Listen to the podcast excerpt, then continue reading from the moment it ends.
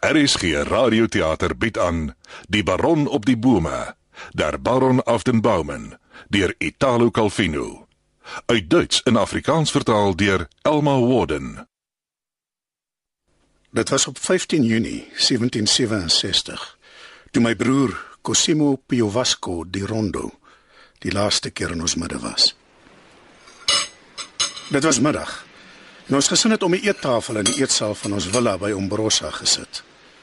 Die wind het van oor die see gewaai. Ek onthou dit nog goed. Die blare het sag geritsel. Ek het gesê ek wil nie. Nee, ek ek sal nie, ek sal nie slakke eet nie. Dis nou net 'n paar maande sedit ons twee toegelaat is om aan die tafel by ons ouers te kom eet. Cosimo, sit reg. Jou elmboog af van die tafel. Hoeveel kere moet ek nog vir jou sê met jou vark gebruik om mee te eet, Biagio? As jy aan tafel is, moet jy jou maniere ken. Wie nog iets sê? Kry gerus nog hiervan. Cosimo eet stadiger. Vee af jou mond. En dan begin die uitdeel van 'n hele rits strawwe. Dit het so aangegaan tot op die dag toe Cosimo sy neus vir die slakke opgetrek het. Ek het nie juis verstaan wat aangaan en dat daar meer in Cosimo se koppigheid gesteek het nie. Die baron, ons vader, het hom beywer om die titel van hertog van Ombrosa in te palm. En daar was niks anders in sy kop as stambome en mededinging of alliansies met ander potentate naby of ver nie. In ons huis leef ons volgens ons stand, asof ons die heeltyd besig is met 'n kleutrepetisie vir 'n besoek aan die hof. Maar ons ouers was tog voortreffelike mense. Maar so verstrooid dat ons meestal aan onsself oorgelaat is met die groot taak van grootword. Ons het boom geklim, ontdekkingstogte in die grotte langs die see onderneem en langs die marmertrapreëlings van die villa afgegly. Juis as gevolg van hierdie afglyery was daar eendag 'n lelike botsing tussen Cosimo en ons ouers. Hulle het hom gestraf. Heeltemal ten onregte, het hy gedink. En van toe af het die wrok in hom teen die familie begin oplaai. Of sommer so teen die wêreldgemeenskap oor die algemeen. Wat in sy besluit van 15 Junie tot uitbarsting gekom het. Alpa se voorouers kan in hulle grafte omdraai. Cosimo, In hulle grafte omdraai. Ons het aan die familietafel saam geëet. Die hoofgereg was slaksop. Ek sê ek wil nie.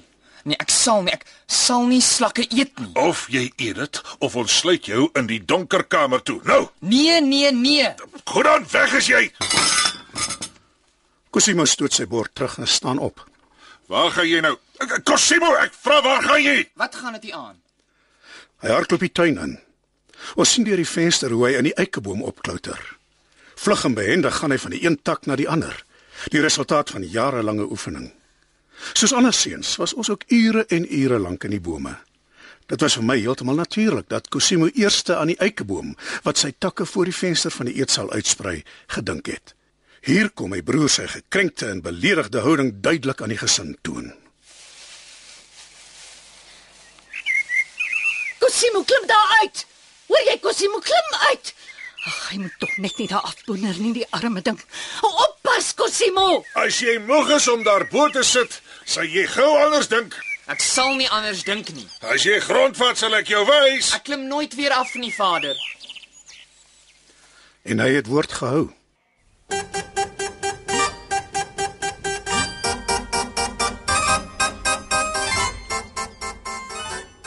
Die wind waai sag. Die son dring deur die blare dak. Ons moet ons hand voor ons hou as ons Cosimo wil sien. Hy betrag die wêreld van naby uit die boom uit. Alles lyk anders as jy van bo af kyk. Die laning het heeltemal 'n ander perspektief. Ook die blombeddings, die hortensias en die japonikas. Verder weg is die blare van die bome minder dig en die olyfbome vorm 'n donker agtergrond. Nog verder agtertoe is die verbleikte teeldakke van die dorpie Ombrosa. En daar agter verskyn die see in die verte teen die gesigseinder. My broer staan daar of hy op wag is. Die eik staan langs 'n olm. Hulle takke raak so te sê aan mekaar. Hy spring oor na die olm en hy klouter oor op die volgende boom. So gaan hy na die Johannesbroodboom en van daar af oor na die moerbeiboom. Ons sien hoe Cosimo van die een tak na die ander klim en stadig aan oor die tuin sweef. 'n Paar takke van die groot moerbeiboom reik tot teen die muur van ons park en strek daaroor tot in die tuin van die onderrivas. Ons was bure, maar ons het niks van hulle geweet nie. Van ons moerbeiboom af bereik Cosimo die muur, balanseer 'n paar tree daarop en swaai dan oor na die ander kant. Hy verdwyn uit die oog. Wat ander kant gebeur het, het hy my later vertel. Daar was 'n magnolia boom en dit was doodstil. Net klein tinkinkies vlieg met 'n gechirp op. En eers hoor ek 'n meisietjie sing. Kom swaai met my, die windjie waai bly. Ek kyk af en sien 'n skoppel maai aan 'n groot boom. En daarop sit 'n meisietjie van so wat 10 jaar. Onder die ou eikeboom. Ek klim van bo uit die magnolia boom tot op die onderste takke. O, is jy 'n dief? 'n Dief? Natuurlik, het jy iets daarteen? En wat wil jy nogal steel? Ek weet nog nie. Is jy 'n vrugtedief? Ja. O, jy kan darm maar jok. Ek ken al die seuns wat vrugte steel. Hulle is almal my vriende. Ek is glad nie 'n dief nie. Ek het dit net gesê dat jy nie moet skrik nie. As jy weet wie ek is, dan sal jy van die skrik dood neerslaan. Ek is 'n rower, 'n 'n verskriklike rower. Ag jy praat kaf. Kom dadelik af. Hoe durf jy jou voete op ons grond sit? Ek het nie my voet op julle grond gesit nie en ek sal ook nie afklim nie. Nie vir al die geld in die wêreld nie. Ek sal die diensbode roep om jou te vang en dan sal hy jou looi. Jy sal sien wat gebeur as jy op ons grond oortree. Dis tog net die grond wat aan julle behoort. En as ek daarop trap, is ek 'n indringer.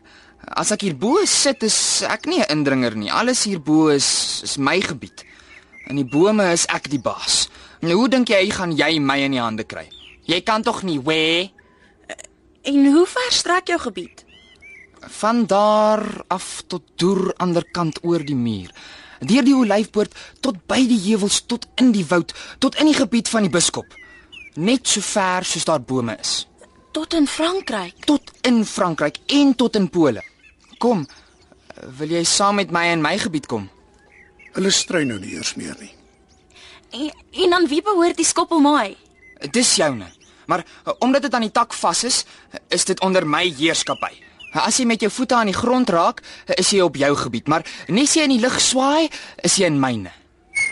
Sy skop vas en trek deur die lug op haar skoppelmaai. Is jy nie bang nie? Nee. Sê my, wat is jou naam? Uh, Cosimo en joune? Viola. Haai oh, Cosimo. Weet jy, ons moet 'n ooreenkoms sluit. Wat bedoel jy 'n ooreenkoms? Ek het die reg om na jou toe op te klim en dan is ek onder jou beskerming want ek is jou gas. Ek mag niks teen jou doen solank as wat jy in die bome is nie. Maar sit net jou voete op ons grond, dan neem ons jou gevange. Nee, wat? Ek sal nie in julle tuin afklim nie. Die grond is verbode gebied vir my. Jy kan my gerus hierbo besoek, ook jou vriende, die vrugtediewe. Nee man, ek het 'n ander plan.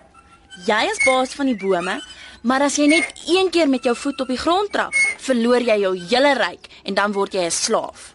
Verstaan jy mooi? As jou tak breek en jy val, is alles ook verlore. Ag, wat? Ek het nog nooit uit 'n boom geval nie. Goed, maar as jy val, as jy val, verander jy in stof en as en sal die wind jou wegwaai. Ag, dis sommer stories. Viola, met wie praat jy daar? Op die trappe van die huis verskyn daar 'n dame. Skugter verdwyn Cosimo agter die blare. Met wie praat ek, tante? Met 'n seun. 'n Seun wat in 'n boom gebore is en getoer is. Hy mag nooit op die grond trap nie. Cosimo bloos tot agter sy ore. Hy sien dat die dame hom raak sien en met haar oogglas op en af bekyk. Sy kom nader en bestudeer hom soos 'n mens 'n seldsame papegaai bestudeer. Wel, jonge heer. Wil u nie 'n koppie sjokolade met ons kom drink nie? Dan kan ons met mekaar kennis maak. U is mos reeds 'n vriend van die familie. Is dit nie so nie, Viola? Ek was sprakeloos. My hart klop in my keel, 'n vreemde gevoel kom oor my, 'n gevoel van skugterheid, trots en eensaamheid. En terwyl my gevoelens teen mekaar stry, gryp ek die tak bo my vas en klouter op sodat die blare my kan bedek. Ek spring oor na 'n ander boom en verdwyn.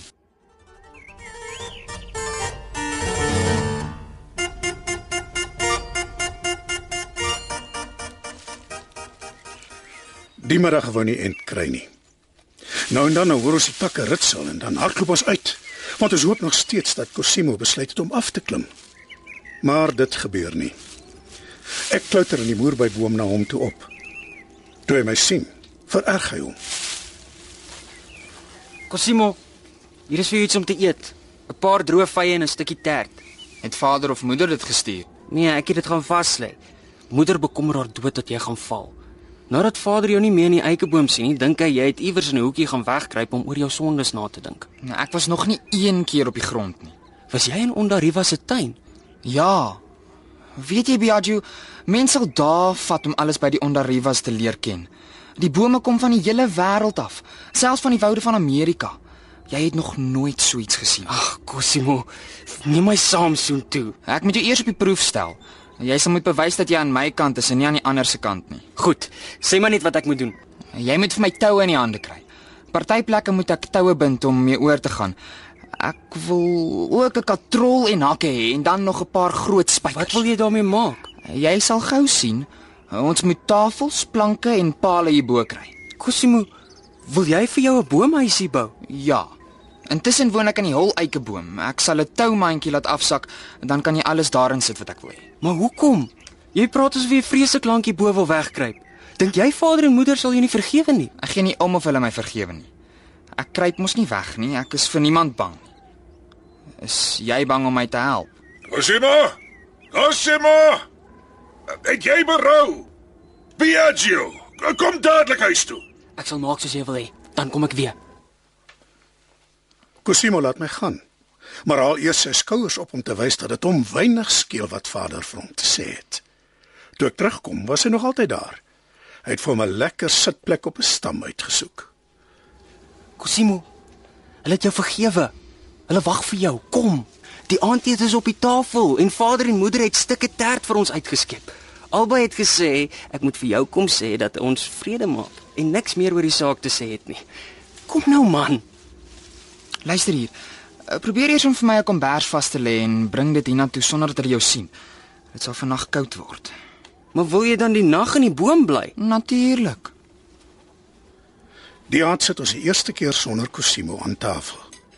Hy sit op 'n hoë tak in die eikeboom, so effens aan die een kant, sodat ons net sy swaaiende bene kan sien. Na aandete gaan ons stap. Selfs die aand wyk ons nie in die minste van ons gewone roetine vir die dag af nie. Ons ouers het besluit om Cosimo nie die tevredenheid te gee om te sien hoe bekommerd hulle oor hom is nie. Hulle het gehoop dat vermoeienis, 'n ongemaklike slaapplek en die koue van die nag hom uit sy skuilhoekie sou verdryf. Ek gaan staan voor ons kamervenster en verbeel my ek sien dofweg sy silhouet tussen die tak en die stam. Hy lê styf toegedraai in sy kombers met die toue 'n paar maal om hom gewikkel sodat hy nie kan val nie.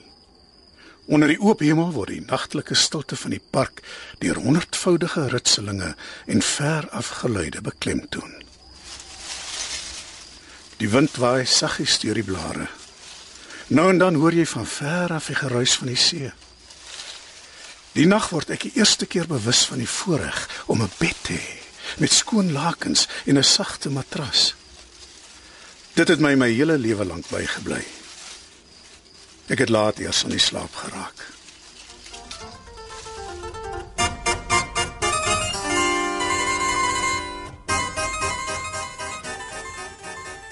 Ek weet nie of dit regtig so is nie. Maar in sekere boeke word daar beweer dat 'n aap wat in 'n boom in Rome sou wegspring, van boom tot boom tot in Spanje sou kon gaan sonder om een keer op die grond te trap. In my tyd het die bome nog net in die golf van Ombrosa tot op die bergkruine so dig gegroei. Destyds was daar maar altyd takke en blare tussen ons en die hemel, waar ons ook al kyk.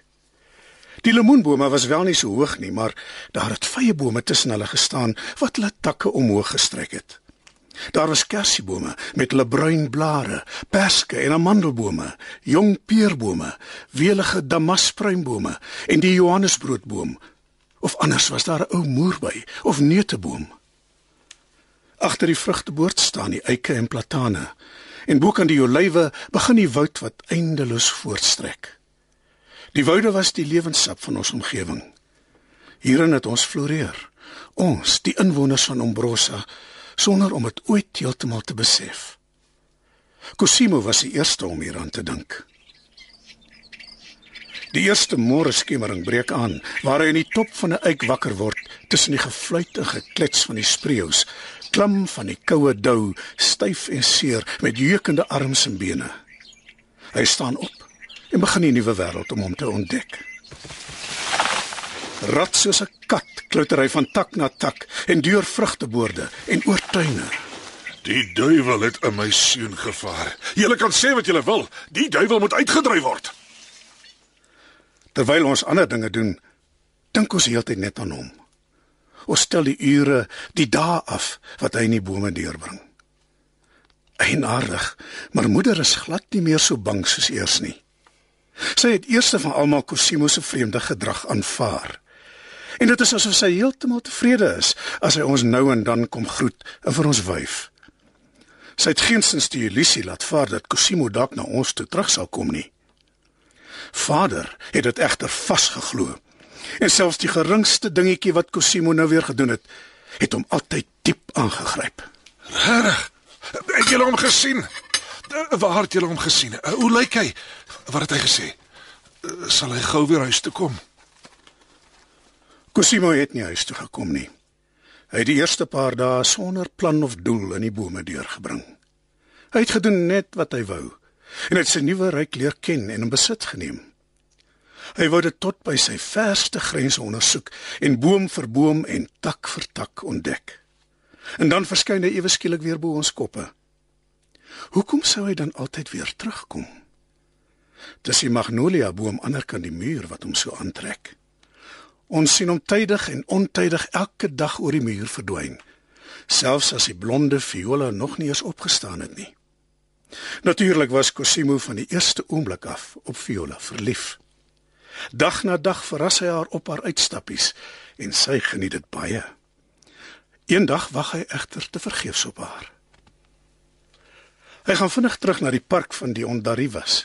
Spring kommerloos op die bome voor die vensters van die villa rond en probeer om Viola agter die gordyne te sien. Eindelik ontdek hy haar kamer.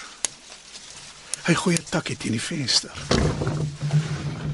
Dit gaan oop en die gesig van die blonde meisie verskyn. Cosimo, oppas dat hulle jou nie sien nie. Waar kruip jy die hele dag weg? Ag man, dis jou skuld dat ek hier opgesluit is. My skuld. Hy spring daar weg, van die eik tot by die olyfboom. Hy gaan daar weer op. Die woud is dig en ondeurdringbaar. Die dryfveer om 'n moeilik beheerbare element in besit te neem, wat my broer aangedryf het om in die bome rond te swerf, vervul hom nou met 'n verlange om deur te dring tot elke blaar, elke stukkie bas, elke voëlgefladder en aan hulle verbonde te wees. Die volgende dag verskyn hy weer in die park van die Ondarivas. En wat sien hy op die oop grond voor die villa? 'n Koets, gereed om te vertrek. Die bagasie word ingepak. Viola in 'n reismondering omhels die markies en markiesin. Viola? Waar gaan jy heen, Viola?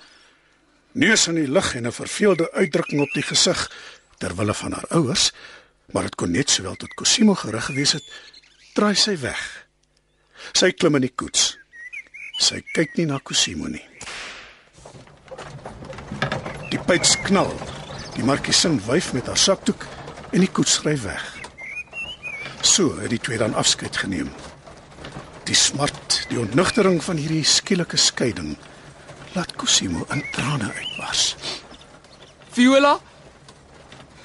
Viola, wat het ek gedoen? Waarheen gaan jy? Viola. Viola. Viola. Vandat my broer oor die hele gebied van Ombrosa in die bome begin rondspring het, het my vader dit nie meer gewaag om gesien te word nie.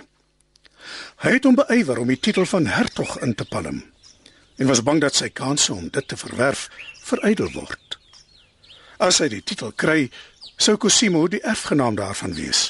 En jy kan jou beswaarlik 'n baron voorstel wat in die bome rondspring, wat nog te sê van 'n hertog. Al is hy ook 'n kind. Cosimo bevind hom eendag op 'n half verdorde eikeboom sonder blare toe hy 'n ruiter sien aankom. Die man was effens vooroor gebuig. Dit was vader. Die baron hou sy perd in onder die boom. Cosimo klouter af deur die kaal takke. Dit was die eerste keer sedert die swakke maaltyd dat hulle mekaar ontmoet. U is voorwaar 'n pragtige voorbeeld, my seun. 'n Voorbeeld wat 'n edelman waardig is. 'n Edelman bly 'n edelman, Vader, op die grond en ook in die toppe van die bome, solank hy hom net edel gedra. Mooi gesê. maar nie so lank gelede nie het u pruime by 'n boer gesteel. Ek versoek u om na die grond terug te keer en die pligte van u stand te kom waarneem. Hy spreek hom in die beleefde u vorm aan. Dis 'n teken van die verwydering en skeiding tussen hulle. Ek is nie van plan om u te gehoorsaam nie, Vader. En u studies, u Christelike geloofslewe, wil u dan soos 'n barbaar opgroei? Dink jy ek leer nie baie wonderlike lesse al is ek 'n paar meter bo kan die grond nie? Opstandigheid word nie in meter gemeet nie. Ook al gaan 'n reis net 'n paar tree ver, kan dit sonder terugkeer wees. Ja. Maar ek let altyd op my gedrag. Onthou seun, daar is iemand vir wie goeie gedrag nie alles is nie. Die baron se perd spring om. Hy pluk aan die teels, draai sy mantel styf om hom en galop daar weg. Die reën waarna die boere al so lank verlang het, begin in vet druppels te val. Ek hardloop na moeder toe. Moeder, dit reën. Wat sal Cosimo maak? Sal die bome hom genoeg beskud? Hy sal seker in sy tent gaan skuil. In sy tent, moeder? Ja, hy het seker voorsorg gemaak. Kan ek 'n sambreel vir hom neem? Ah, ja, natuurlik, dis 'n goeie plan. Uh, neem ook 'n fles appelsap en 'n oliedoek wat hy oor die takke kan oopgooi sodat die reën nie kan deurkom nie. Oh, maar waar sou die arme kind wees? Ek hoop jy kry hom gou.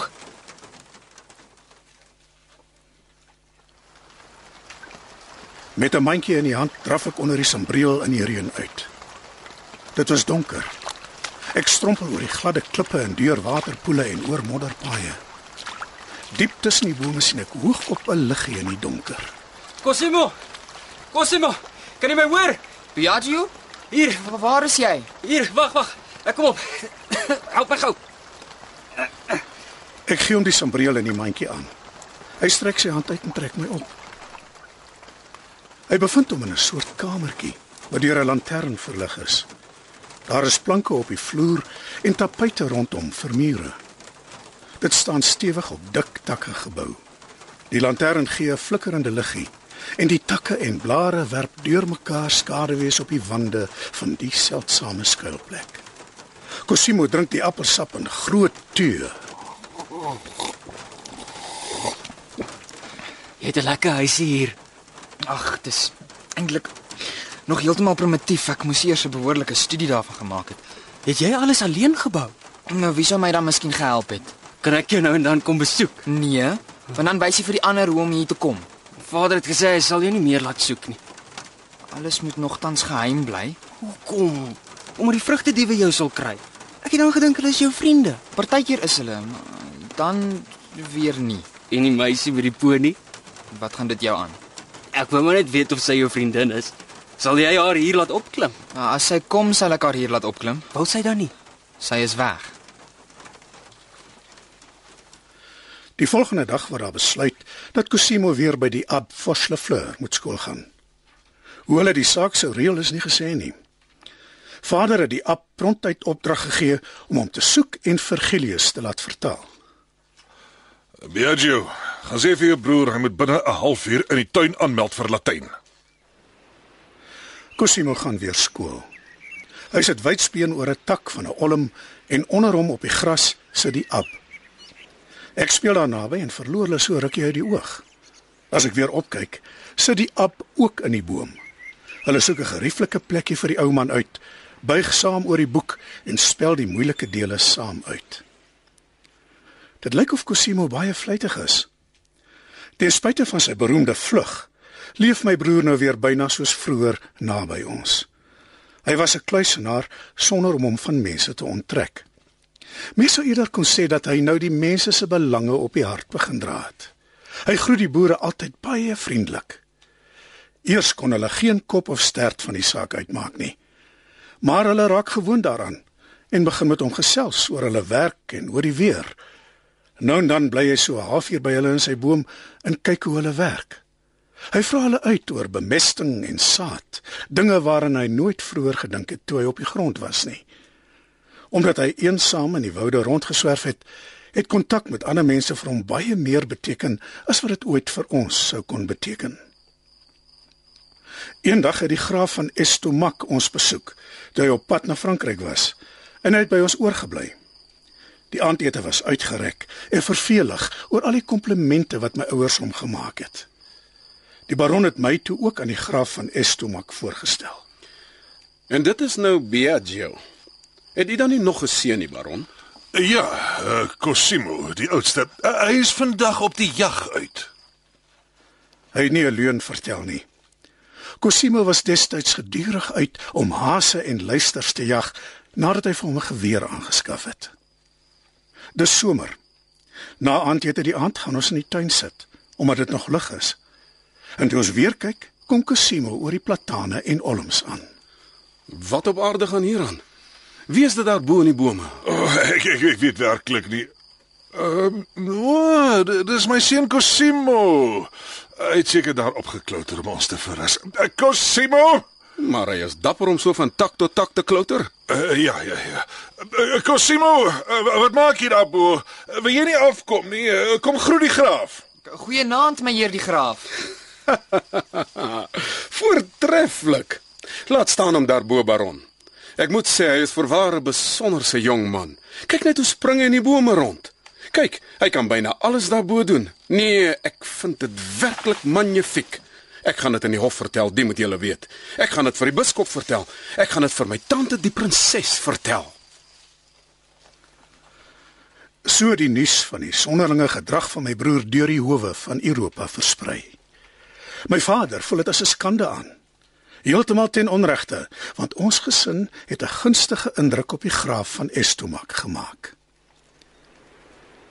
Die olyfbome met hulle krom takke was maklike en gelyke paaie vir Cosimo. Hulle was geduldige, vriendelike bome. En dit was lekker om deur hulle te klouter of om op die ruwe bas te lê. Jy kan baie hoog in die harde spiraea of in die moerbeiboom opklim. Net jammer hulle is maar skaars. Die wêreld bestaan nou vir Cosimo uit smal en verwronge brûe in die leë ruim. Uit knoetse en dooie takarms of ruwe basrimpels. Uit ligte waarvan die groen gedurig verander, afhangende van die tentdak van die blare. Ligte wat met die eerste wyntjie oor die blare begin flikker en sidder. Of wat versluier word sodra die bome in die wind buig. En nou kom die winter. Cosimo het sy pelsjassie klaar. Hy het dit self van die velle van verskillende diere wat hy geskiet het gemaak.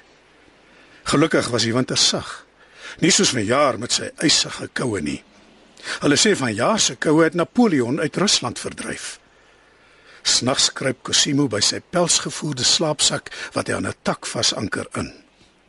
Soggens met die kraaie se gekruis, begin hy met sy daaglikse roetine. Hy gaan na die fontein wat hy self gebou het. 'n Stroompie vorm 'n watervalletjie op 'n styl plekkie en hier het Cosimo 'n soort voetjie van 'n lang stuk populierbas gebou wat die water tot op die tak van 'n eik gevoer het sodat hy daar water kon drink en hom kon was. Biagio, eintlik is jy weer hier. Waar kruip jy die hele tyd weg? Ek het luisters, houtsnippe en kwartels geskiet. Bring hulle hier vir my? Jy weet mos hoe moeilik dit vir my is om stilletjies van die huis af weg te sluip. Ja man, ek weet. Ek sal later 'n plan moet maak om die diere wat ek skiet self hierbo te kry. Hy maak toe vir hom visgery van toue en hakke en 'n visstok sodat hy die dooie wild in die hande kan kry.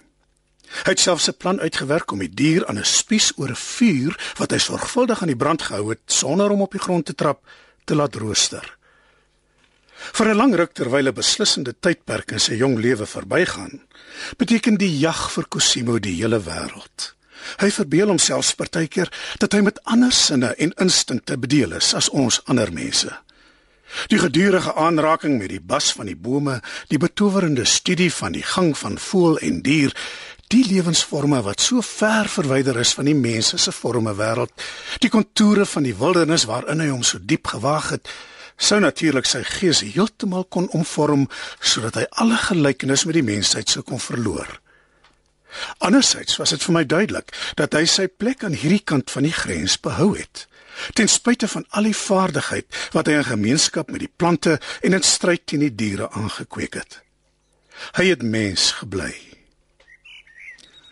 Cosimo het eendag op 'n neuteboom sit en lees. Soos hy ouer geword het, het hy 'n leesgier ontwikkel. En ek het gesorg dat hy boeke wat ek in die huisbiblioteek vasgelê het, in die hande kry. Ag, Biagio. Dit raak nou te vervelig om die hele dag te wag om na 'n mossie aan te lê en hierdie eenvoudige boeke te lees wat jy vir my bring. Ek wil iets lees waaruit ek iets kan leer. Maar hoe moet ek sulke boeke vir jou in die hande kry? Al moet iemand anders wees wat vir my boeke kan bring. Onthou jy nog die ou Joodse handelaar in Ombrosa, Biagio? Sê vir hom hy moet vir my wetenskaplike en filosofiese boeke bestel. In ruil daarvoor sal ek vir hom hase en patryse stuur. Die leesstof is nou nie meer 'n tydverdryf nie. Dit word sy vernaamste bedrywigheid en sy hoofdoel vir elke dag. As gevolg van hierdie boeke wat hy nou verslind, is Cosimo deur so 'n hartstog vir die literatuur en alle menslike kennis vasgegryp dat die ure van sonsopkoms tot sonsondergang nie meer voldoende is vir sy leesdrif nie. By die lig van 'n lantern lees hy ook tot diep in die nag. Die verhouding van meester tot leerling tussen die app en Cosimo verander vinnig. Cosimo word nou die leermeester en die app die leerling. My broer het nou so deskundige geword dat hy die ou man saam met hom op sy wandelinge in die bome gesleep het. Hulle gesels oor monargieë en republieke, oor die waarheid en geregtigheid van die verskillende godsdienste, oor Chinese rites en selfs oor die aardbewing in Lissabon. Ek draf heen en weer tussen die bome waarop my broer hom bevind en die winkel van die Joodse boekhandelaar om boeke vir hom te bring wat uit Amsterdam en Parys bestel is of om boeke af te haal wat pas aangekom het. Nou begin Cosimo briewe met die beroemdste filosowe en geleerdes van Europa wissel. Hy vra hulle om 'n probleem vir hom op te los en besware wat hy aanvoer te verdedig. Dis jammer dat al sy geskrifte wat hy in hol bome weggesteek het en waarvan net hy geweet het, nooit gevind kon word nie. Vir sy boeke het Cosimo 'n soort hangende biblioteek gebou wat hy so goed hy kon teen reën en knaagdiere beskerm het. Ongelukkig het hy hulle tog op die een of ander plek verlê. Die boeke is soos die voëls. Ek kan hulle nie in 'n kou dwing nie. Hulle sal wegkwyn. Onder die boeke wat hy laat kom het, was daar verhandelinge oor praktiese vraagstukke, soos byvoorbeeld oor boomkunde. Hy kon skaars wag om sy nuwe kennis op die proef te stel. Weet jy, Biagio, die mense se werk is vreeslik interessant. Ek het tot dusver hier in die bome gelewe en gewandel en gejag, maar dit was net om my eie sinne en wil te bevredig. Ek wil nou probeer om iets nuttigs vir my naaste te doen. Hy leer die kuns aan om bome te snoei en hy bied sy dienste vir die vrugteboere aan. Die mense in Ombrosa praat nou net goed van my broer. Vader het alles stil swygend aangehoor en sy kop geskud. En nie geweet of die berigte van sy seun hom seer gemaak of met 'n vertroue vervul het nie. Eendag ry hy uit om hom te soek. Hulle ontmoet mekaar by 'n land wat deur jong bome omring is. Die baron ry 2 of 3 maal op en af sonder om sy seun te sien. Van die verste boom af kom Cosimo spring spring nader. Hy lig sy strooi. Goeiedag my vader. Goeiedag, my seun. Gaan dit goed met u, vader? Volgens my jare en sorge, my seun. Ek is bly u sien so rustig daar uit, vader. Ek kan dieselfde vir jou sê, my seun. Ek het gehoor dat jy goeie werk vir die gemeenskap doen. Ja, vader. Ek dra die beskerming van die woude waarin ek woon op die hart. Weet jy dat ons 'n woud besit? 'n Erfenis van jou grootmoeder Elisabeth. Ja, vader, ek weet. Dis in Belrieu. Daar's 30 gestaaingbome, 22 beukebome, 8 denne. En as lid van die familie wat 'n woud besit, wou ek alle belanghebbendes in 'n verbond herenig om die woude te bewaar. Soos ek verneem het, is dit 'n vereniging van bakkers, groentetuiniers en hoefsmede. Ja, hulle behoort ook daaraan, Vader. Benewens al die ander eerbare beroepe. Weet jy ook dat as jy die titel van hertog dra, jy bevele aan al die leerhere sou uitreik? Ek weet dat ek meer idees as ander mense in my kop het en dat ek die idees met hulle kan deel en as hulle dit aanvaar, beteken dit dat ek hulle beveel. En moet jy deesdae in bome woon om hulle te kan beveel?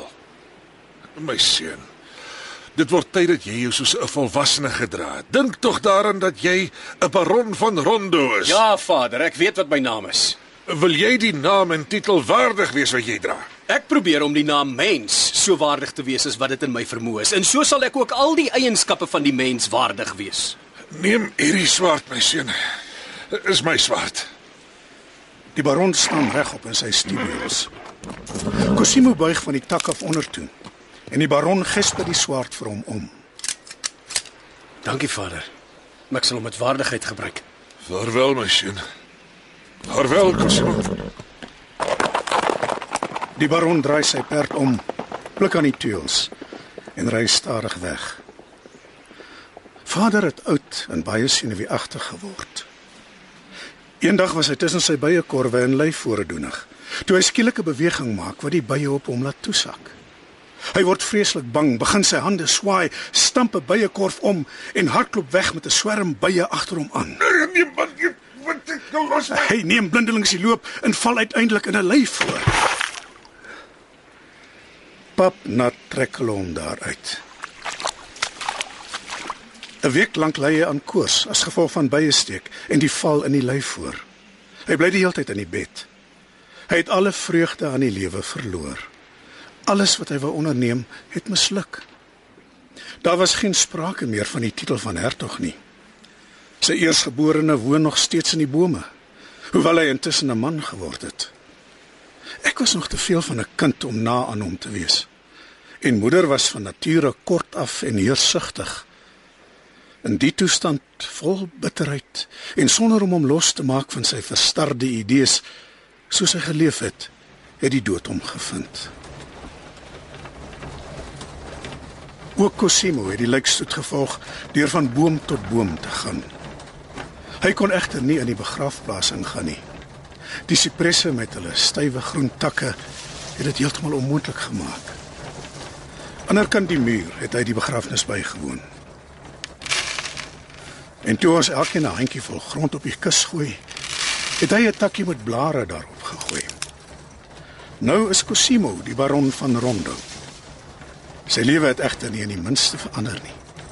Hy was wel oor ons besittings bekommerd, maar nog steeds al springende daarbo in die bome.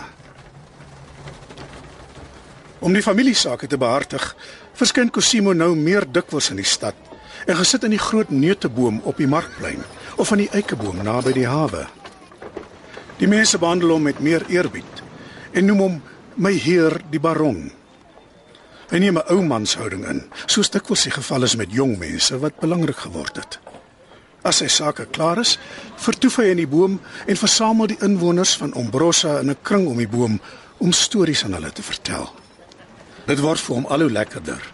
En hy put uit sy lewe in die bome en sy jeugjare sodat hy sonder om moeg te word ure aan een vertel. Deur sy vertellinge skemer daar nou ook 'n diepe sin van ontevredenheid. Agter die begeerte om toehoorders om hom te versamel, skuil daar 'n verlange en gesoek na iets anders. Cosimo het nog nooit lief gekry nie. En wat is alle ervaring sonder die liefde? Cosimo beoordeel die jong meisies in die boorde en die perske verkoopstukkies wat oor die markplein loop en ook die oulike jong dametjies wat in die koetse verbyry. Hy kan egter nie verstaan hoekom alles wat hy soek nie in een van hulle verenig is nie. Snags as die ligte in die huis aangesteek word en Cosimo alleen in die takke is, droom hy van die liefde. As 'n paartjie mekaar agter 'n heining of tussen die wingerdstokke ontmoet, vervul dit hom met verwondering en ook 'n bietjie met nait. In sy dagdrome verbeel hy hom dat die aanvalligste noontjies hom bemin. Maar hoe sou hy ooit liefde in die bome teekom? Ek stel my 'n plek iewers voor. iewers in Veeland wat mens kan bereik as jy hoër en hoër opklim. Ja, dis seker wat dit is. Iewers is daar sekere boom wat so hoog is dat jy in 'n ander wêreld sal aanland as jy in hom opklim. Die geselsery op die markplein laat hom nou al hoe meer ontevrede. Een markdag kom daar 'n boer van Oliva Bassa aan. Hy sien Cosimo in die bome en sê: "Aha, julle het ook julle Spanjaard. By ons is daar 'n hele klomp Spanjaarde wat in die bome woon." Nou ken Cosimo geen rus of vrede nie. Nie voor hy besluit het om deur die bome na Oliva Bassa te gaan nie. Oliva Bassa was 'n stadjie in die binneland. Na 2 dae se reis kom Cosimo daaraan. Dit was winter en die bome se blare was byna almal af. Toe my broer nader kom, sien hy tussen die kaal takke deur dat daar mense was. Een of twee of drie staan of sit in elke boom. Met 'n paar spronge is hy by hulle. Hulle was manne in deftige klere met driepunt hoede en wit mantels. Daar was ook vroue wat deftig daar uitgesien het en wat 2 2 of 3 3 op die takke sit. Baie van hulle doen borduurwerk. En nou en dan kyk hulle af na die straat daaronder. Goeiedag Annie. Baron Cosimo Piavasco di Rondo tot u diens. Rondo Rondo ah, van Aragon of van Galicië. Nee meneer, ek is uit hierdie buurt afkomstig. Ek is Don Federico. Ons sien u klouter hier in die bome rond. Mag ek vra of u hierdie wandelinge vir u eie genot onderneem? Ek doen dit omdat ek glo dat dit vir my die regte ding is. Niemand het my daartoe gedwing nie. O, oh, u kan van geluk spreek dat u vryheid geniet. Ons bevind ons egter in 'n posisie van dwang. Ons is Spaanse edelliede wat teen Karel III gedraai het. Ons met ons gesinne is verban. Toe ons aan Oliva Bassa aankom, is ons verbied om verder te reis. Op grond van 'n ou verdrag met sy majesteit die koning van Spanje mag ons nie in hierdie gebied bly nie en mag ons ook nie deurreis nie. Ons posisie was dus werklik ingewikkeld, maar die inwoners van Oliva Bassa wat nie met 'n buitelandse regering deurmekaar wou raak nie, het 'n uitweg gevind. Volgens die letter van die verdrag mag persone wat uit Spanje uitgewyk het, nie die grond hier betree nie. Daarom bly ons nou in die bome. Hulle sit nou reeds 'n paar maande lank daarbo en vertrou op 'n spoedige amnestie deur Karel III en op die goddelike voorsienigheid. Hulle het volop Spaanse dukate, koop hulle lewensmiddels en gee natuurlik op die manier 'n hupstoot aan die handel van die stadjie. Hulle het hulle goed ingerig en die inwoners van Oliva Bassa het goed vir hulle gesorg. So goed dat hulle die gasheere ook voordeel daaruit getrek het. Sê my, edele, wat maak jy hier as dit reën? Wel, ons baldakuile bied goeie beskutting en dan gaan ons gedagtes uit na die Here. Ons dank hom vir die weinig wat ons nodig het, wat nog genoeg is vir ons. Gaan jy dikwels jag? Uh, nou en dan smeer die een of ander een van ons 'n voelend aan 'n tak. En as jy wil was, wat maak jy dan? Oh, ons gee ons klere vir 'n wasvrou van die buurt. Elke maandag laat ons die mandjie met vuil wasgoed sak. Nee, nee, ek bedoel nie dit nie. Ek ek wil weet hoe was die mense die liggaam en gesigte? Ek meen dis tog elkeen se eie saak. Cosimo maak nou sy opwagting by die verskillende lede van die kolonie in hulle woonbome. Die ontvangs in so 'n boomsalon word met gasvrye erns aangebied. Hulle bied hom koffie aan.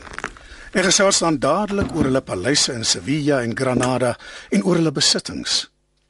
Ten slotte nooi hulle hom uit vir die dag wanneer hulle deur amnestie weer in hulle eer en ampte herstel sal wees. Daar skemer tog 'n ondertoon van treurigheid en kommer in hulle gesprekke deur.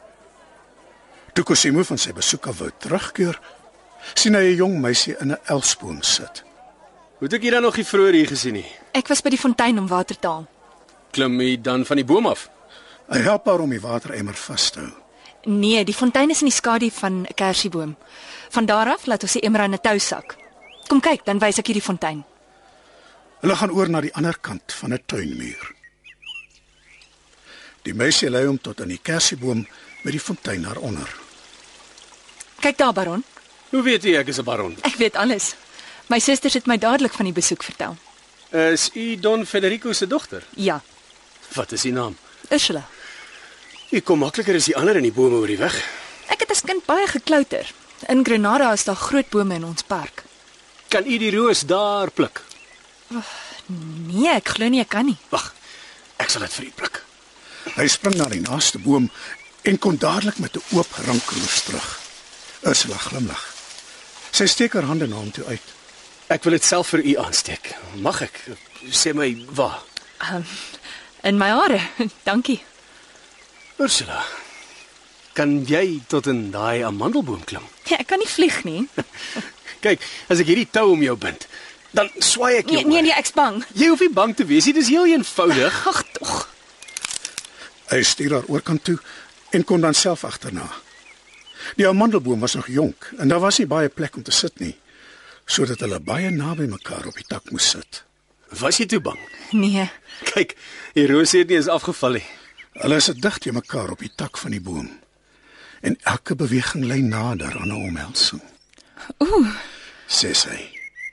Toe soen hulle mekaar. Maar hy was die een wat dit begin het. En so begin hulle liefde. Cosimo was gelukkig en verbaas daaroor. En Ursula was gelukkig, maar glad nie verbaas nie. Meisies aanvaar sommer van self die dinge wat met hulle gebeur. Dit was die liefde waarna Cosimo gesmag het en wat hom nou so onverhoeds oorval het. Die wonder was die groot eenvoud daarvan. En Cosimo het op die oomblik gesmeek dat dit altyd so sou wees.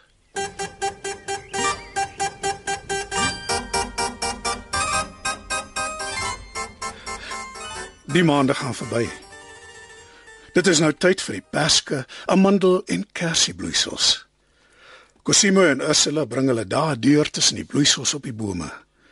In die kolonie van die ballinge het my broer dadelik aan die werk gespring en hulle verskillende metodes geleer om van die een boom na die ander te gaan en om die deftige gesinne aan te spoor om hulle ou verstokte gewoontes te laat vaar en in die bome rond te beweeg. Hy maak vir hulle toubrûe waarmee die ouer mense mekaar kon gaan besoek. Hy voorsien hulle van baie toestelle wat hy self uitgevind het, soos waterhouers, vuurherde en slaapsakke van velle. Hierdie gesinne het in 'n tradisie van talle kleinlike lewensbeginsels opgegroei. Maar nou dat hulle in die bome woon, neem hulle die dinge nie meer so ernstig op nie. Hulle beskou Cosimo as 'n wakker jong man uit die adelstand wat geweet het hoe om 'n nuttige lewe te lei. Nou vermoed hulle dat daar 'n liefdesverhouding tussen Cosimo en Ursula is en sien dat die twee altyd in die rigting van die vrugtebome verdwyn. Eendag ontbied Don Federico Cosimo vir 'n onderhoud na sy plataanboom. Waarom hulle sê dat jy dikwels met my dogter gesien word? Dink jy nou al trou waarom? Wan? Ek vra of jy van plan is om 'n vrou te neem en om jou huis te vestig. 'n Huis. My huis is oral waar ek is en as ek hoor opklim, Ah, waarom? As jy na Granada kom, sodra ons weer tuis is, sal jy die rykste landgoed van die Sierra te sien kry. Jy moet ons gou in Granada kom besoek. ek sal daaroor nadink. Dankie. Cosimo verskoon hom met 'n buiging. Hy soek Ursula dadelik op. Weet jy Ursula, jou vader het met my gepraat. Hy sê hy het my vertel. wil hy nie hê ons moet mekaar weer sien nie. Nee nee, gelukkig nie dit nie. Nee, hy wil hê dat ek na Granada kom sodra julle ballingskap opgehef is. Ja, Cosimo, dit sal heerlik wees. Luister. Ek het jou lief, Ursula, maar ek was nog altyd in die bome en moet in die bome bly. Maar Cosimo, ons het pragtige bome by ons huis. Ja, maar om met julle na Granada te kan reis, sal ek eers op die grond moet afklim en jy weet tog. Moet jou nie daaroor bekommer nie, Cosimo. Ons is nog altyd verban. Miskien bly ons ons lewe lank hier. My broer skuif sy bekommernis op sy. Ursula se voorspelling was verkeerd. Don Federico kry kort daarna 'n dokument met die Spaanse koninklike seël daarop. Deur die grasie van sy majesteit die koning van Spanje is die verbanning opgehef. Die emigrante kan na hulle tuiste en besittings in Spanje terugkeer. Ons gaan terug na Spanje. Ons gaan hierdie rekening baie mooi vereffen, dit moet julle weet. Ons sal sorg dat reg en geregtigheid seëvier.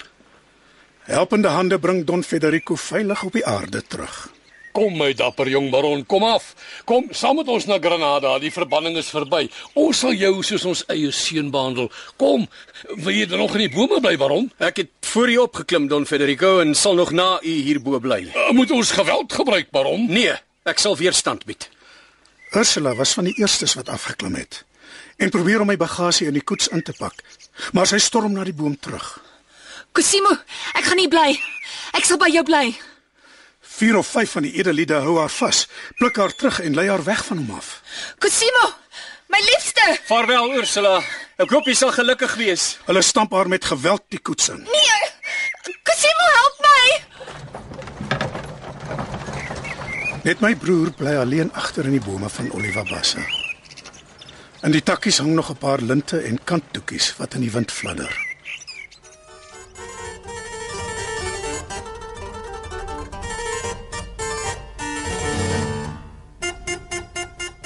Dis somer met volmaan nagte, paddige kwak en vinkgekwetter as die baron weer sy opwagting in Ombrosa maak. Dit lyk of hy so onrustig is soos 'n voël en hy spring doelloos en skief van tak tot tak. Skielik gaan die skinne tonge los oor 'n sekere Chikina wat aan die ander kant die dal woon. Wat nou sy monares sou wees. Ek het hulle saam gesien. Sy sit op die vensterbank en hy op die tak. Hy swaai sy arms rond soos 'n vleermuis en sy lag haar dood. Ag, toe nou man, hy dan gesweer hy sal sy lewe lank nooit van die bome afklim nie. Wel, hy het die reël vir homself gemaak. Hy kan dit seker ook self breek. Nee man, luister nou.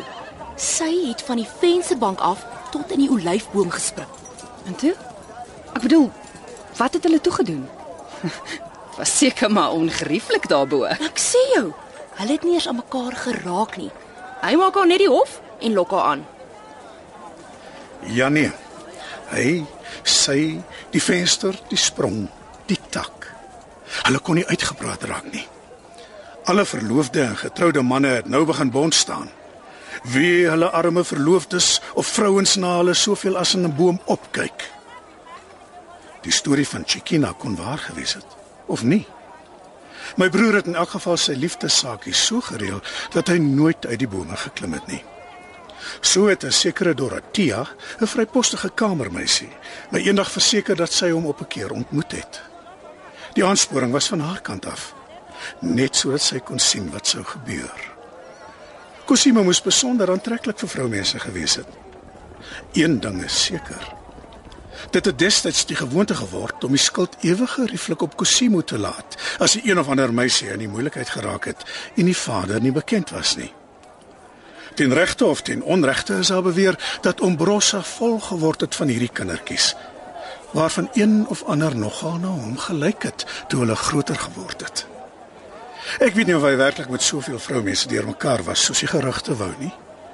As daar werklik soveel vrouens tot sy beskikking was, is daar geen verklaring vir die maanlignagte waarin hy soos 'n kat op die vye of granaatbome naby die woonhuise rondgeklouter het nie.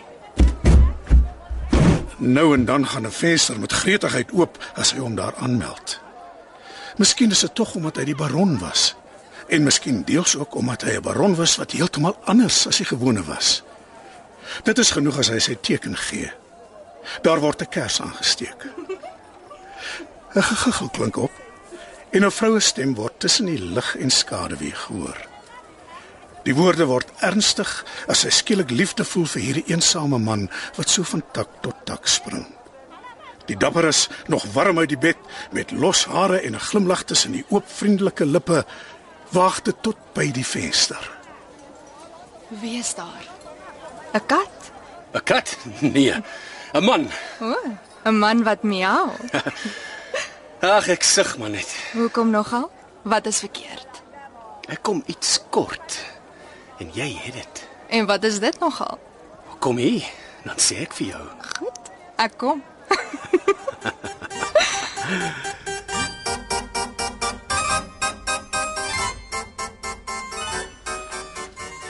Van hierdie tyd kan ek nie veel vertel nie, want ek was destyds die eerste keer op 'n reis deur Europa. Ek was 'n tyd lank in Parys, juis tydens die triomfantelike ontvangs van Voltaire na jare van afwesigheid. Maar dis nie my lewensherinneringe wat ek hier neerskryf nie.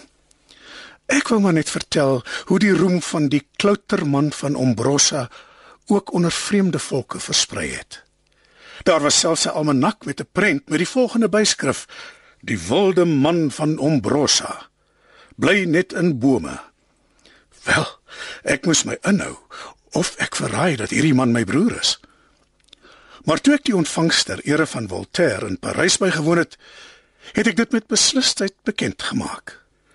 Die filosoof het soos 'n pasha in 'n leunstoel gesit, omring deur skone dames.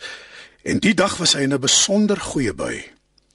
Toe hy hoor ek kom van Ombrosa, begin hy met my gesels.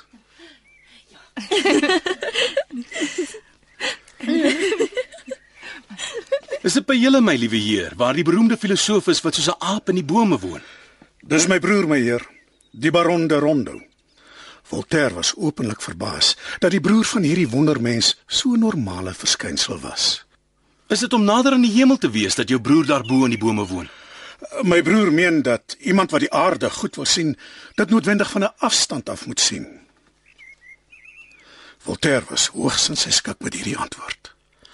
Vroeger was dit die natuur wat lewende verskynsels geskep het, maar nou het die rede ook een geskep. En hy wend hom weer tot die gebabbel van die skone jong dames.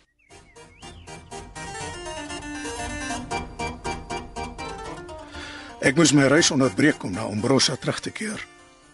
Die asma waaraan moeder gelei het, het skielik versleg en sy kon glad nie meer uit die bed uit opstaan nie. Toe ek in die tuinpad na die wille aankom, sien ek Cosimo op 'n hoë tak van die moerbeiboom sit wat naaste aan moeder se kamervenster was. Moeder lê in die bed.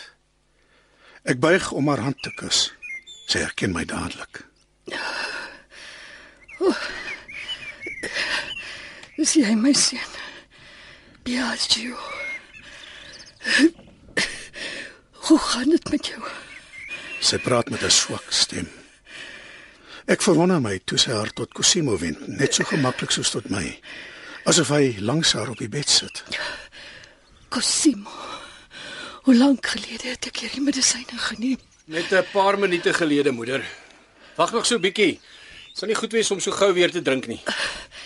Nou goed. Gee my dan 'n stukkie lemoen aan Cosimo. Ek sien hoe Cosimo 'n soort spies deur die venster steek, waarmee hy 'n lemoenskyfie van die bord af optel en in moeder se hand lê. Dankie Cosimo. Wa- Waar is my sjaal? Gee asseblief my sjaal. Ek sien hoe graag sy vra dat Cosimo al hierdie ou werkies vir haar doen. Hy soek die sjaal uit tussen die klere wat op die stoel lê met 'n soort vishak. Hier is die sjaal, moeder. Dankie my seun. Sy praat met hom asof hy hier by haar is. Maar ek merk dat sy hom nooit iets vra wat hy nie van sy boom af sou kon bykom nie. Die nag kon moeder nie slaap nie en die asma raak al erger. Cosimo wag die hele nag in sy boom. Hy hang 'n klein lanterntjie aan die tak sodat sy hom maklik in die donker kan sien. Die volgende oggend is hy dood. Na 'n tragedie is daar vroeër of later altyd die een of ander vreugdevolle gebeurtenis. Dis 'n duet van die lewe. Die tyd wat nou vir Cosimo aanbreek, is van die gelukkigste wat hy nog ooit geken het. Sy vroeëre liefde vir stories vertel kom weer na hom terug. As hy die volgende gebeurtenis vertel, lyk dit of hy al hoe jonger word. Eendag sit ek in 'n esseboom. Die son skyn en 'n sonnestraal tower die groen van die veld om in smarag. Oorkant in die skaduwee van die eikewoud beweeg die lower en 'n perd spring daardeur. Op die perd sit 'n ruiter, 'n vrou. Sy galop met hangende teels en haar blonde hare wapper in die wind. My hart begin onstuimig klop. Ek hou duim vas dat sy nader moet kom sodat ek haar gesig kan sien. Sy galop in die sonskyn. Sy word al hoe mooier. En dit is asof ek haar al hoe beter kan onthou. En daar, voor ek gereed was, bereik sy die rand van die veld. Ek bewe soos 'n riet. Ek wil uitroep sodat sy in die esseboom kan opkyk en my sien. Dis sy. Dis Viola. Viola het teruggekom. Opgewonde spring ek van boom na boom tot in die park van die Ondarivas. Ek hoor die hoefslaaf van die perd op die gruis in die tuinpad. Hy kom deur die tuin, maar nou teen 'n pas, asof die ruiter elke ou dingetjie weer wou indrink en toeëien. Sy kyk na die bome wat nou reusagtig groot geword het. Die magnolias wat 'n digte woud vorm. Maar sy sien my nie raak nie. Sy klim af en loop te voet voor die perd uit wat sy aan die teels lei. Dan stap sy by die villa in. Hortensia, Tarkinio, Maak oop die vensterlyke, hulle moet dadelik geverf word. Skuif daardie tafel hier en die konsole daar. Sit die spinet in die middel, die skildery moet daar kom. So kom Viola na Ombrosa terug en neem die villa in besit wat sy as jong dogter verlaat het. Ek sien hoe sy tussen haar dienaars rondbeweeg, hoe sy divans, klawe symbols en hoekkaste laat rondskuif. En dan verskyn sy in die tuin en wil weer op haar perd spring. Tarkinio, kyk hoe verwaarloos is die beddings en paadjies. Jy moet hulle dadelik regmaak. Bring nuwe grys. O, oh, waar is die mandjie stoele, Hortensia? Hang my skoppelmaai weer daar aan die tak waar dit eers was. En daar sien sy my in die magnolia boom. Sy was verras, verskriklik verras. Cosimo, is dit jy? Haai, het jy die hele tyd daar bo gebly? Nog nooit afgeklim nie. Ja, dis ek, Viola. Onthou jy nog? Cosimo, het jy nog nooit op die grond getrap nie? Nog nooit. Ag, oh, dan het jy dit reg gekry. Was dit nie moeilik nie? Ek het gewag dat jy terugkom. jy lyk soos Robinson Crusoe. Oor 'n uur is ek in die park. Wag vir my daar. Sy spring op haar perd en galop weg. Ek duik in die welige takke weg. Die takke moes vir my nog 1000 maal digter gewees het. Ek wou wegsink in 'n hele lawine van blare, takke en dorings en daarin rondduik en spartel. Ek kon nie in die minste begryp wat met my aangaan nie, of ek waansinnig van geluk of van angs was nie. Viola is stiklik daar op haar perd. Sy staan regop in die stabiels en reik my haar hand. Ek help haar aan die boom op terwyl sy op die saal staan en van daar af op 'n dak spring. Dan klouter sy vinnig verder sonder om na my te kyk. Sy soek vir haar 'n lekker gerieflike mik uit en gaan sit. Sy was nog net so blond soos toe sy 'n klein dogtertjie was. Sy kyk my nou krities op en af. En hoe het jy geweet ek is weer tuis? Ek het jou in die jagveld van die vors gesien. Die jagveld is nou myne. Ek kan brandnetels daarop laat groei as ek wil. Weet jy dan nie wat alles met my gebeur het nie? Nee. Natuurlik sal jy nie weet nie. Ek is 'n weduwee. Ek het met 'n ou Ptolemaico getrou. 'n Jaar lank was ek die vorstin van Ptolemaico, maar dit was die verveligste jaar van my lewe. Al was ek nie 'n week saam met die ou man nie. Van nou af bly ek hier waar ek 'n kind was. Natuurlik net solank dit my geval. Sodra ek my verveel, is ek weg. Ek is 'n weduwee en eindelik kan ek maak en breek soos ek lekker kry. Ek het net vir die grap met die ou Ptolemaico getrou. Moenie dink my ouers het my gedwing om met hom te trou nie. Hulle wou my teen elke prys getroud sien en ek het toe die gebreklikste ou vryer geneem wat ek kon kry. So kon ek gouer 'n weduwee word en nou is ek ook. Ek was oorbluf. Viola is nou vir my verder as ooit tevore. 'n Koket, 'n weduwee, 'n vorstin. Nou is sy vir my eers onbereikbaar. En wat het jy alles gedoen? Ag, allerlei dinge. Ek het gejag, vreeslik baie boeke gelees, baie gewerk, baie bome gesnoei. En dan het jy my nog lief gesien. Ek bedoel meer as die ander. Ja. Het jy net ter wille van my in die bome gebly? Ja. Ja, Viola. Soen my. Pragtig is jy nie. Vir jou. Kom. By elke oorgang na 'n ander tak, vat ek haar hand en wys haar presies hoe sy moet spring. Op 'n uitgroeisel van 'n neuteboom is daar 'n skulpvormige holte. Daar het ek 'n gerieflike skuilplek vir my ingerig. 'n Vel is daaroor gespan en daarbo hang 'n klompie van my werktuie, 'n fles en 'n mandjie en 'n drinkbeker. Viola strek haar uit op die vel. Sê my, het jy al ander meisies hierheen gebring? Toe, het jy? As jy nie het nie, is jy nie 'n regte man nie. Ja, so paar. Hoe was hulle? Sê my, hoe was hulle? Nie soos jy nie, Viola. Nie soos jy nie. Weet jy dan hoe ek is? Ag, Cosimo, wat weet jy tog? Sy het heeltemal lieftallig geword. Ek kon van verbasing nie regkom nie. Sê jy het my lief. Ek het jou lief.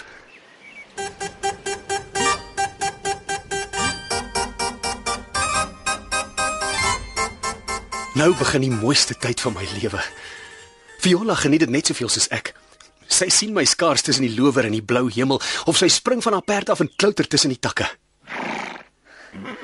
Die liefde het die lewe vir ons heroïes gemaak.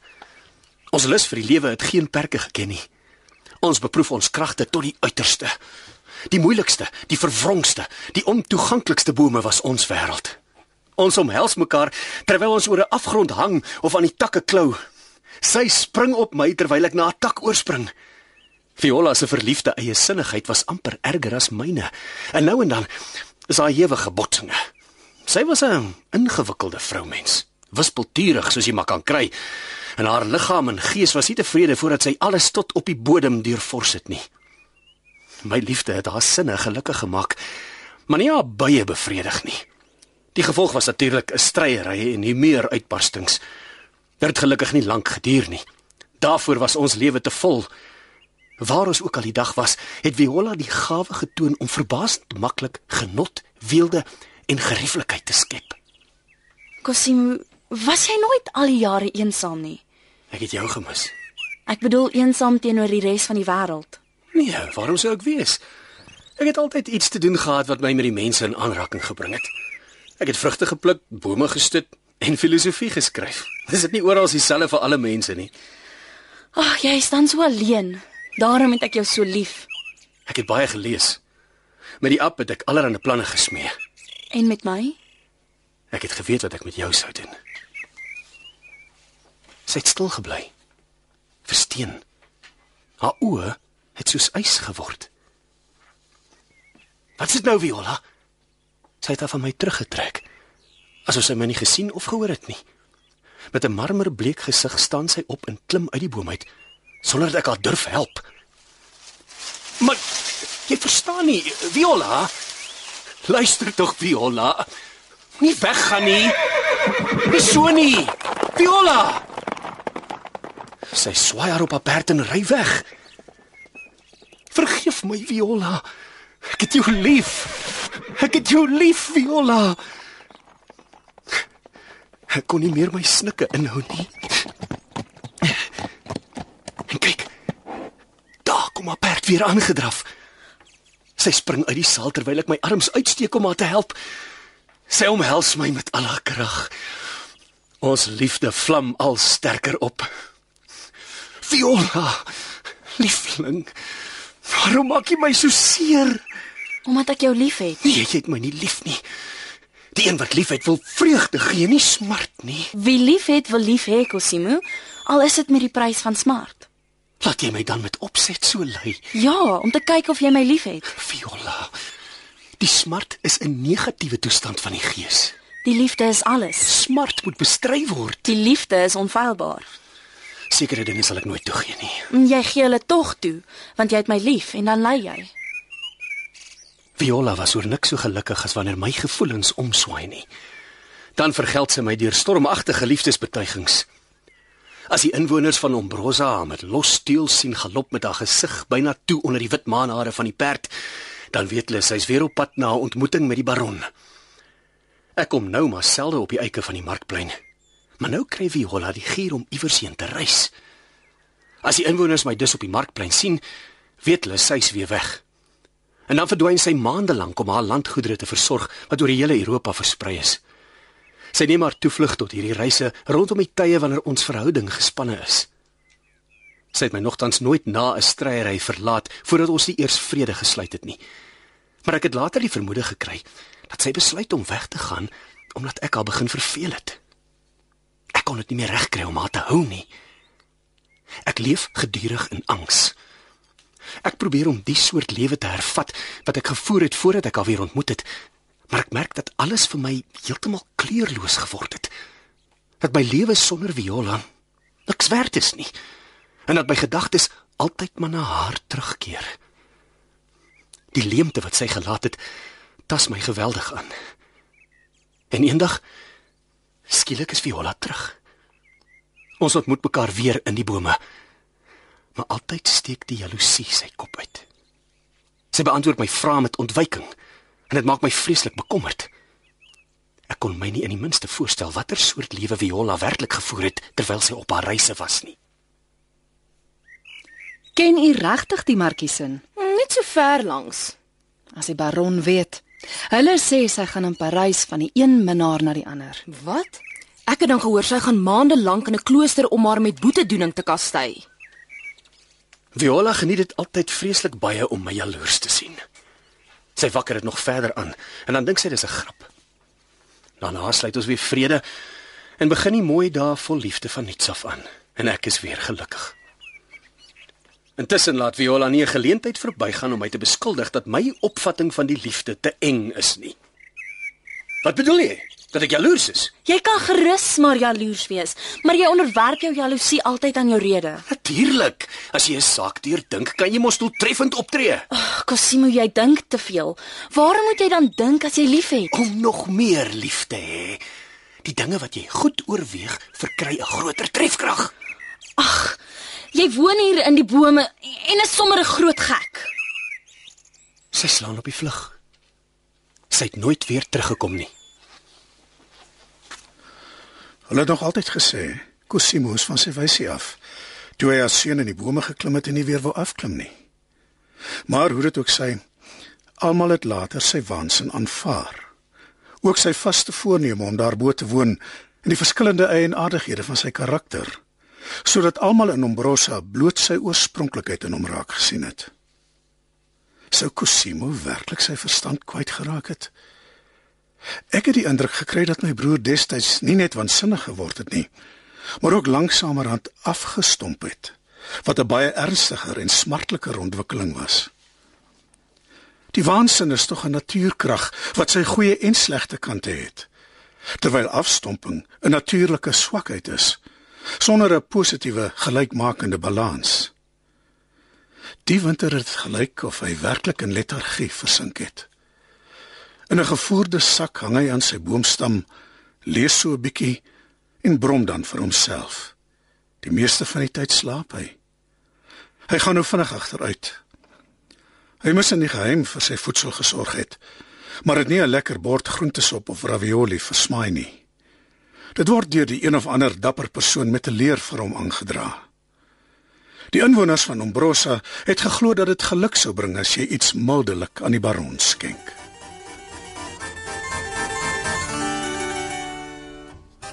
Ombrosa is ook 'n wynland.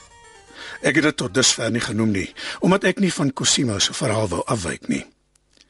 Daar is uitgestrekte wingerde oor die heuwels waarvan baie opgelei is. Cosimo het in sy ouderdom so klein en lig geword en so moeiteloos rondbeweeg dat die dwarspale van die opgeleide wingerdstokke sy gewig kon dra. Terwyl hy aan die stutpale vashou, kon hy baie werkies doen. In die winter snoei die wingerde En in die somer dun hy die digte somerloof uit. In September neem hy aan die wynoes deel. Ons beleef nou ook in Ombrosa moeilike tye. Dit is daarom nie so erg soos in Frankryk met sy revolusie nie. Daar was wel woelinge, maar sonder veel ontwrigting. Die troepe word op aansienlike skaal saamgetrek. Hulle bestaan uit Genuese wat die tiendes moes insamel en die neutraliteit van ons gebied moes verseker en ook die Oostenrykers en Sardiniërs. Daardie gerug die rondte gedoen het dat die Jakobynse Ombrosa by die Franse Republiek wou aansluit. Die aanvoerders wou weerstand bied en bou toe 'n paar barrikades en sluit die staatskantore. Maar dit kon die vloed nie stuit nie.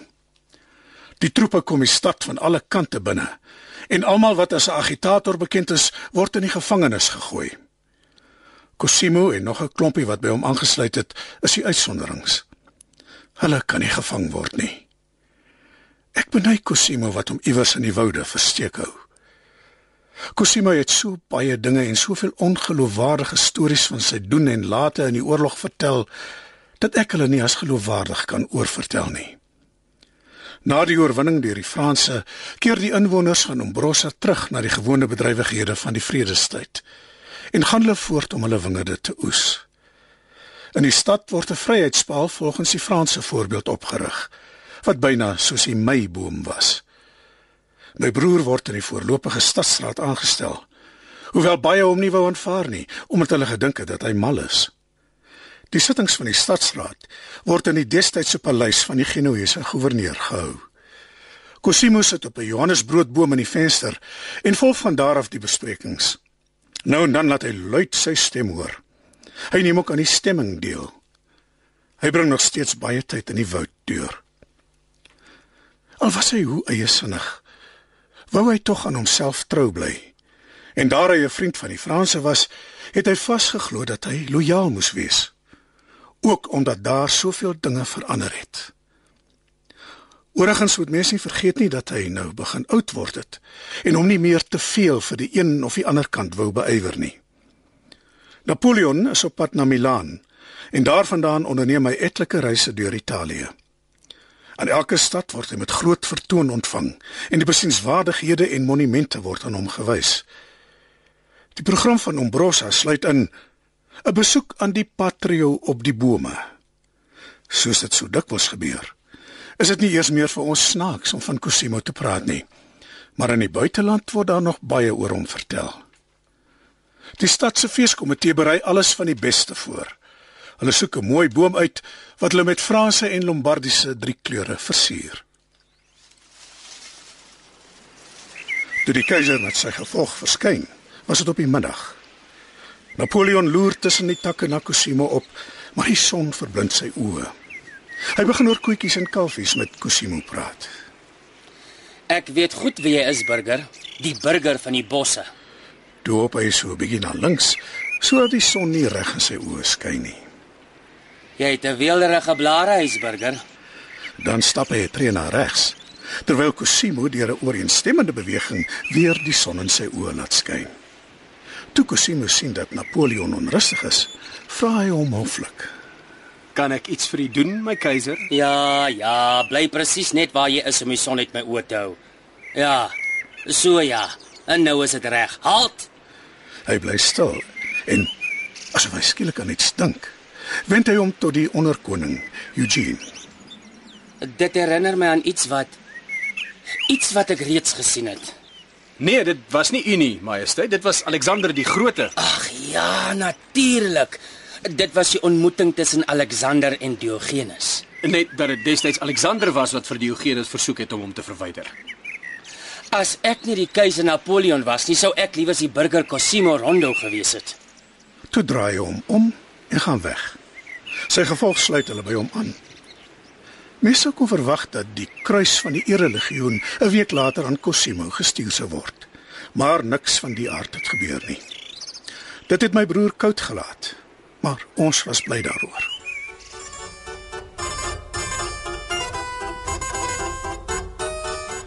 Die jare gaan snel verby. Snel op die aarde, maar nog sneller in die bome, waar alles bedoel is om af te val. Die blare en vrugte en later die takke en dan die hele ou uitgeleefde stam. Die baie jare met hulle nagte van ryp, wind, reën en dou onder 'n gebrekkige beskutting. Die nagte met niks om jou as die lug nie, altyd buitenshuis sonder eers 'n ou vuurtjie. Cosimo is nou 'n verkrimpte ou mannetjie met krom bene en lang aaparms. Sy gesig is bruin gebrand van die son en vol plooie soos 'n kastanje.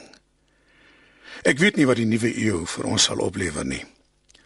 Dit het so sleg begin en die verloop daarvan versleg nog steeds. Die ideale van die jeug, die verwagtinge van die vorige eeu, alles het in die niet verdwyn. Cosimo is daar nie meer nie. Ek het die gevoel dat ek oor talle dinge behoort na te dink. Oor filosofie, oor politiek en geskiedenis. Ek bestudeer die koerante, lees boeke, breek my kop.